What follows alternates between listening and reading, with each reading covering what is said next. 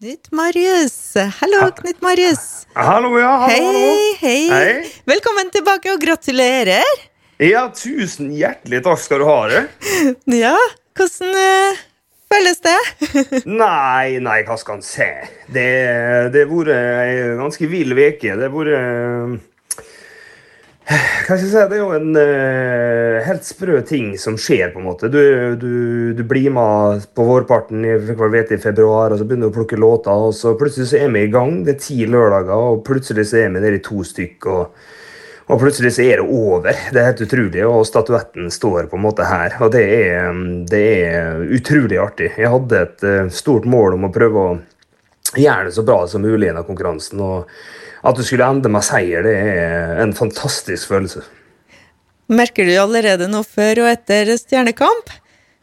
Eh, ja, for så vidt. Det det er en veldig kul eh, ting som skjer i et artistliv, å få en sånn eh, Hva skal jeg si Å, å vinne noe sånt. Eh, vi har merka det på Jeg skal på turné, både på juleturné før jul og egen turné, i eget navn, bl.a. til Kristiansund eh, i, i, i vinter og vår. Og vi merker jo på interessen på en måte rundt meg og det jeg skal gjøre, eh, at den er ganske stor akkurat nå. og det er det er veldig artig, til tross for For eh, det er jo luksus å være med på Stjernekamp et år der, eh, der det har vært tidenes short Artery, av at det er selvfølgelig mange som er hjemme. Eh, Men eh, det var litt spennende å se hva vi skulle bruke til etterpå, hvor mye vi fikk lov til å komme oss ut og synge for deg som har stemt og fulgt med.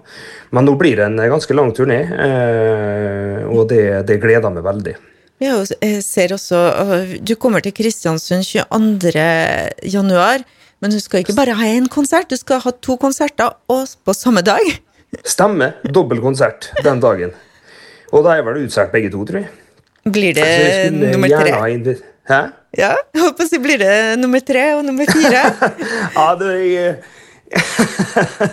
jeg, Nei, jeg tror kanskje det blir bare to. Men vi må, jeg skal ha to Jeg er turnéstart to dager før i Oslo, og så skal jeg ha to stykker i Bjørnsonhuset dagen før, og så er det to stykker i Kristiansund den dagen. Så det blir Så skal jeg være til Sunndalen dagen etterpå, så det blir en eh, pangstart på turneen. Og hvis de skal synge 'Show Must Go On' og, og kanskje litt 'Run to the Hills', så tror jeg det holder med er konsertet som er planlagt nå.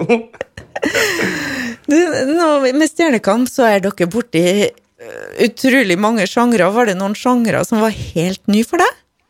Som Ja, utøver? Ja, hiphop og country var helt nytt for meg. Spesielt hiphop. da. Country er jo faktisk å synge. Men eh, jeg har aldri, i eh, mitt liv rappa før, og det, eh, og det merka jeg jo. Det jeg brukte jo ekstremt mye tid på den eh, hiphopen. Det er nesten flaut å innrømme hvor mange timer som har gått med at både å bygge tekst og stå framfor speilet og prøve på en måte å, å gjøre det med overbevisning. Det, det var helt sinnssykt. Ga det mersmak? Ja, for så vidt. Jeg syns det var helt sjukt artig. Litt fordi at jeg var letta over at det gikk bra, selvfølgelig. Men den uh, hiphop-sendinga, det var utrolig kult. Nå hadde jeg jo et fantastisk eh, band. Jeg hadde Pyro og, og fikk synge en låt jeg var glad i, så forholdet lå til rette. Men at jeg skulle på en måte komme meg gjennom det, var jeg letta over. Og så var det jo å gå av og ha på seg ha på seg parykken og gå rett inn i Ken Marius og Barbie Girl-nummer. Så det var, det var litt av en dag. Ja.